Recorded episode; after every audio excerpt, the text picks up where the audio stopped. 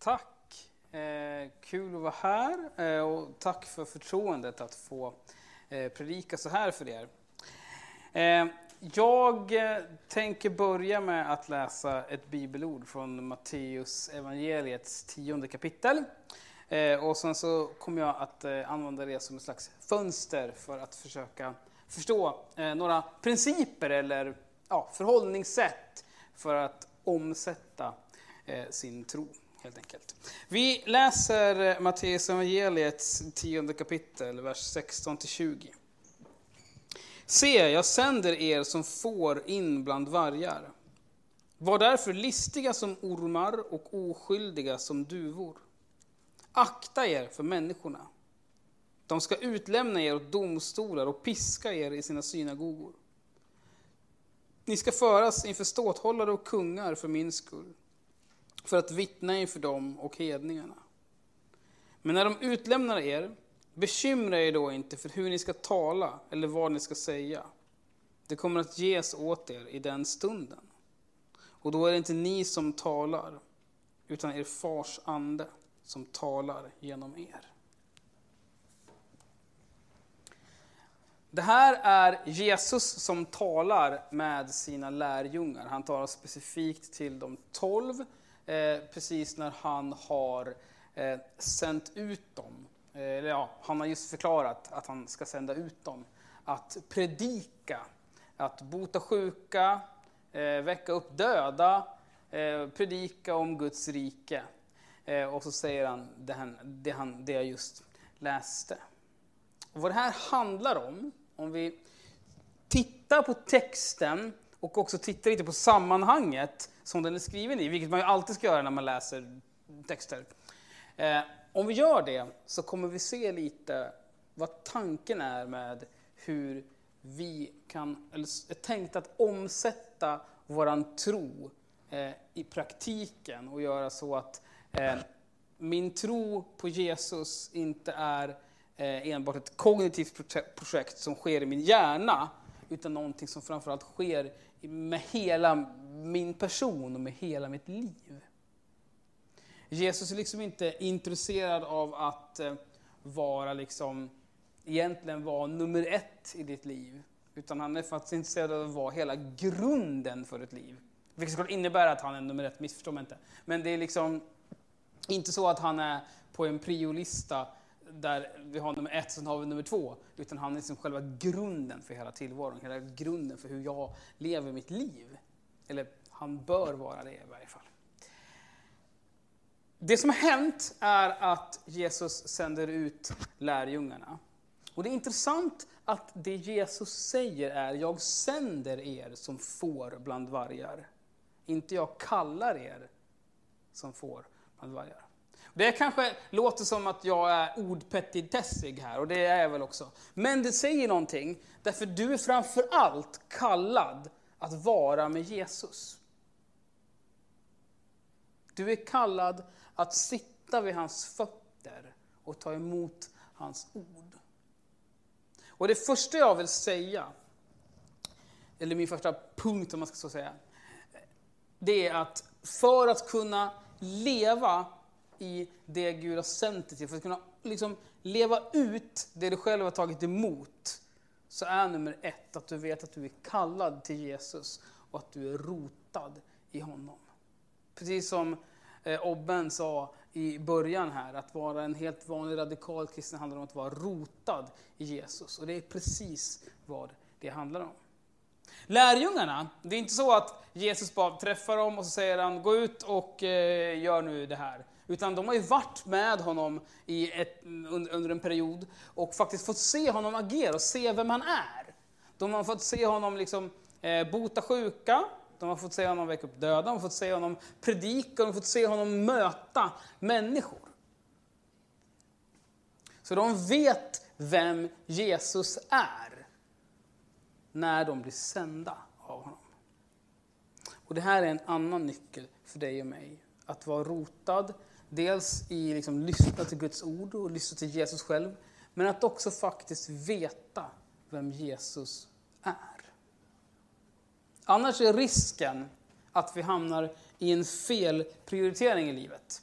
Och det här har vi säkert alla varit med om. Jag vet att jag har varit med om det. Att jag har liksom tänkt ganska mycket så här, vad ska jag göra för Guds rike? Hur ska jag vittna för mina kompisar? Eh, vad är Guds kallelse för mig? Ska jag bli präst? Ska jag inte bli präst? Ska jag bli liksom så här, hur ska jag bete mig? Alltså, väldigt mycket så här, och även liksom eh, när man nu är vuxen liksom och ska predika så blir det lätt att tänka så här, vad ska jag säga idag? Jag måste ha något smart att säga så att de tycker att de fått valuta för sina pengar. Eller ja, ni, ni fattar vad jag menar. Eh, vad det i grunden är, är att det är en självcentrering. Att jag funderar, blir upptagen med vad jag själv ska göra hela tiden. Det Jesus har kallat mig till, när han säger att han sänder sina lärjungar som får bland vargar. Det är inte primärt gärningar, utan att vara Jesu händer och fötter. Vilket såklart innebär ett antal gärningar. Men grunden är att vi är kallade att vara som Jesus är. Och för att det ska ske så behöver jag veta vem Jesus är. Jesus säger så här. Ursäkta. Se, jag sänder er som får in bland vargar. Var därför listiga som ormar och oskyldiga som duvor. Alltså, Jesus sänder oss inte enbart in i en liksom vänskaplig värld. Det kommer inte bara vara mysigt. Vargen jagar ju fåren. Och det betyder såklart inte att så fort du liksom försöker eh, berätta om Jesus för en kompis eller på något vis gör någonting för att uttrycka Guds kärlek så kommer du bli jagad och hatad. Inte nödvändigtvis. Eh, det finns ju länder då det är så på riktigt att, att, bara att säga att man tror på Jesus är förenat med att bli jagad och hatad och kanske utsatt för fara.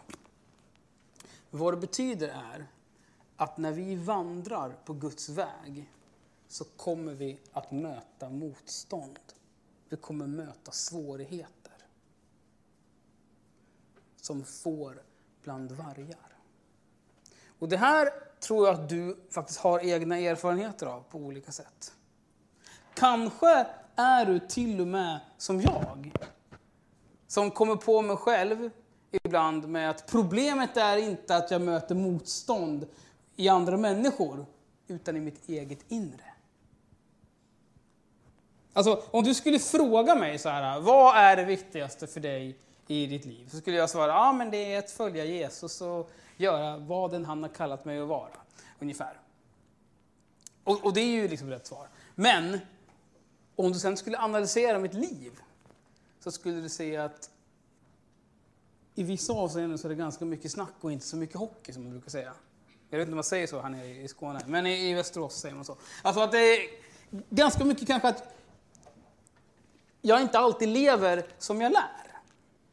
Alltså, även fast jag vet vad som är det rätta, även fast jag vet liksom vad Gud kallar mig till och vad, hur, att liksom, vem han kallar mig att vara, så tycker jag att det är lite roligare att sitta och göra andra grejer. Och det kanske inte bara är saker som är så här, liksom, syndigt att göra. Det är bara att jag kanske tycker att det är mer bekvämt att sitta hemma och, och, och kolla på Netflix och äta godis eller bara fokusera på andra saker än något så grundläggande som att öppna mig för Guds ord och hans tilltal. Det här motståndet möter vi. Både i oss själva, därför vi är splittrade i den meningen. Men vi kan också möta det i andra människor, i omständigheter. Och då ska vi veta att Jesus lämnar oss inte ensamma. Han är med oss. Han säger också att vi ska vara listiga som ormar och oskyldiga som duvor. Ormen är på det sättet en bild för ett, eller det är ett djur som, som, som symboliseras av att den är något listigt. Alltså den är lite smart, lite så här finurlig. Sådär. Det betyder att vi ska också vara smarta och finurliga och listiga. Det betyder att vi ska alltså inte bara gå fram och bara pröva, liksom bara pröva oss fram och bara chansa hej vilt. Utan det är faktiskt något sunt i att ha en strategi. Liksom. Om vi vet att vi har en församling här och vi ser att det finns många människor runt oss som inte känner Jesus. Hur kan vi då nå människor med budskapet om vem han är? Då är det jättebra att ha en strategi, att tänka igenom hur vi agerar på ett sätt som är så klokt som möjligt.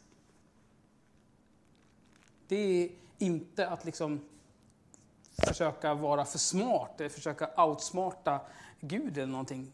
Vad det handlar om är att använda det Gud har gett dig. Man säger också var oskyldiga som duvor.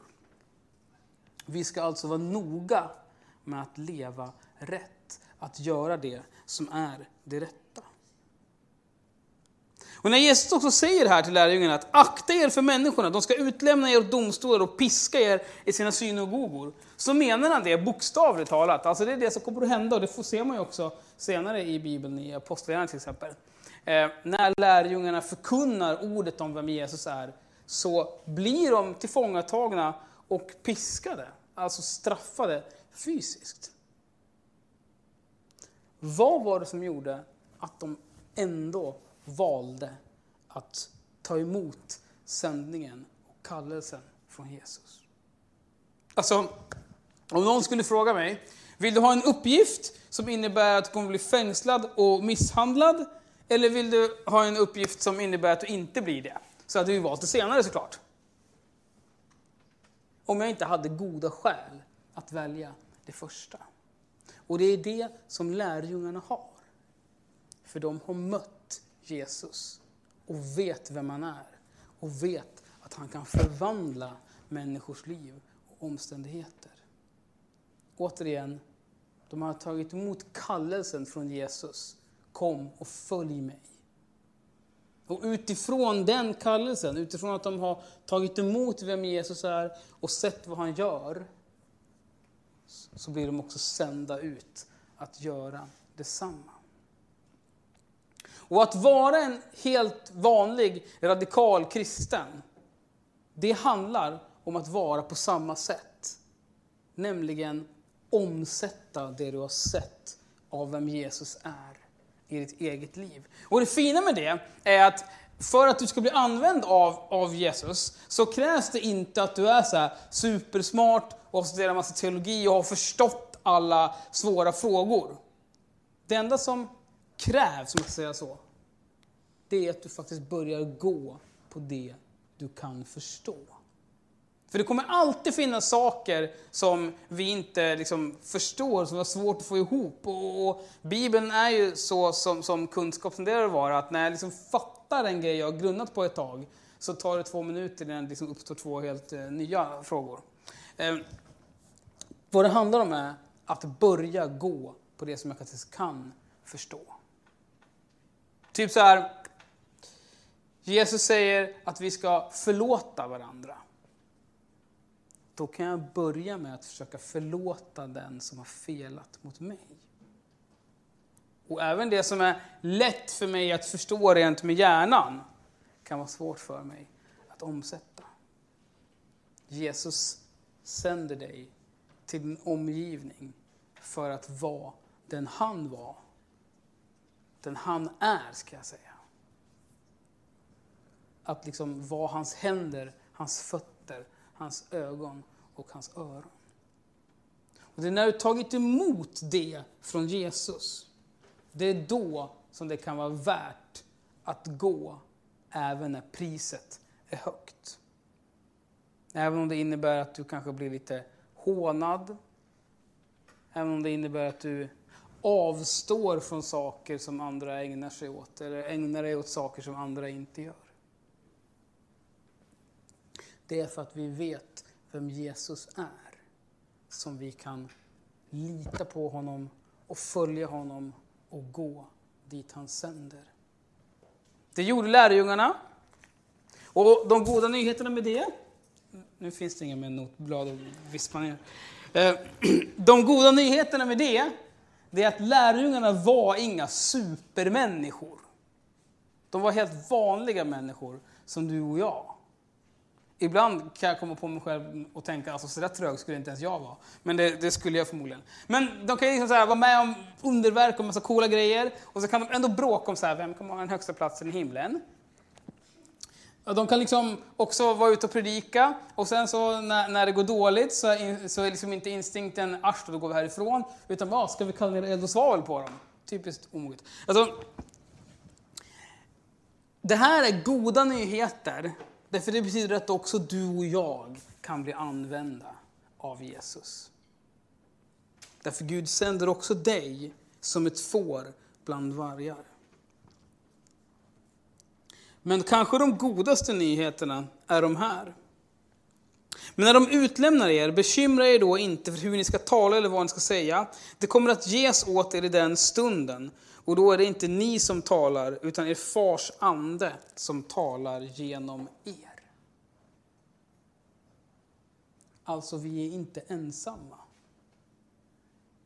Och på ett sätt så är jag liksom inte kallad att själv producera kärlek och liksom producera gärningar. Jag är kallad att vara en kanal för Guds kärlek. Jag är kallad att vara en kanal för Jesu handlande i människors liv. Det är därför som Jesus säger att oroa er inte eller bekymra er inte. Det är inte ni som talar, det är er fars ande. Om du tror på Jesus, om du vill följa honom, så finns den helige Ande i dig. Och det betyder alltså att vilken situation du än är i, så finns det levande vattnet inom dig. Du kan bara be Gud om att han ska visa sig för dig, att han ska tala genom dig, så vill han göra det. Därför den helige Ande finns i dig. Så om du vill vara en vanlig radikal kristen, om du vill liksom vara en person som visar Jesus för de människor du möter, så finns det några saker du kan göra. Du kan, ett, minnas att du är kallad först till Jesus. Det vill säga dagligen ta in av Guds ord. Det handlar inte om att du ska här, nödvändigtvis måste memorera bibelverser och bara plöja igenom Bibeln och tänka nu har jag läst den. Vad det handlar om är att fylla dig med Guds ord. Och be den helige Ande tala till dig när du läser. Och uppenbara för dig vad som är sanningen. Uppenbara för dig hur texten ska tolkas och förstås. Det är du kallad till. Du är också sänd. Kallelsen är samma för varje människa. Att omvända sig, tro på budskapet och följa Jesus. Sändningen, den kan vara mer individuell. Han kanske sänder någon att vara missionär i Kina. Någon kanske han eh, sänder att eh, visa Jesus på sin arbetsplats. Var du än är ska du veta att du är sänd. För var du än är så finns det människor som behöver Guds kärlek. Och du kan förmedla den. Inte på grund av din egen förträfflighet, utan på grund av att Herren bor i dig. Så du är kallad till Jesus. Du är sänd till de sammanhang som du är i.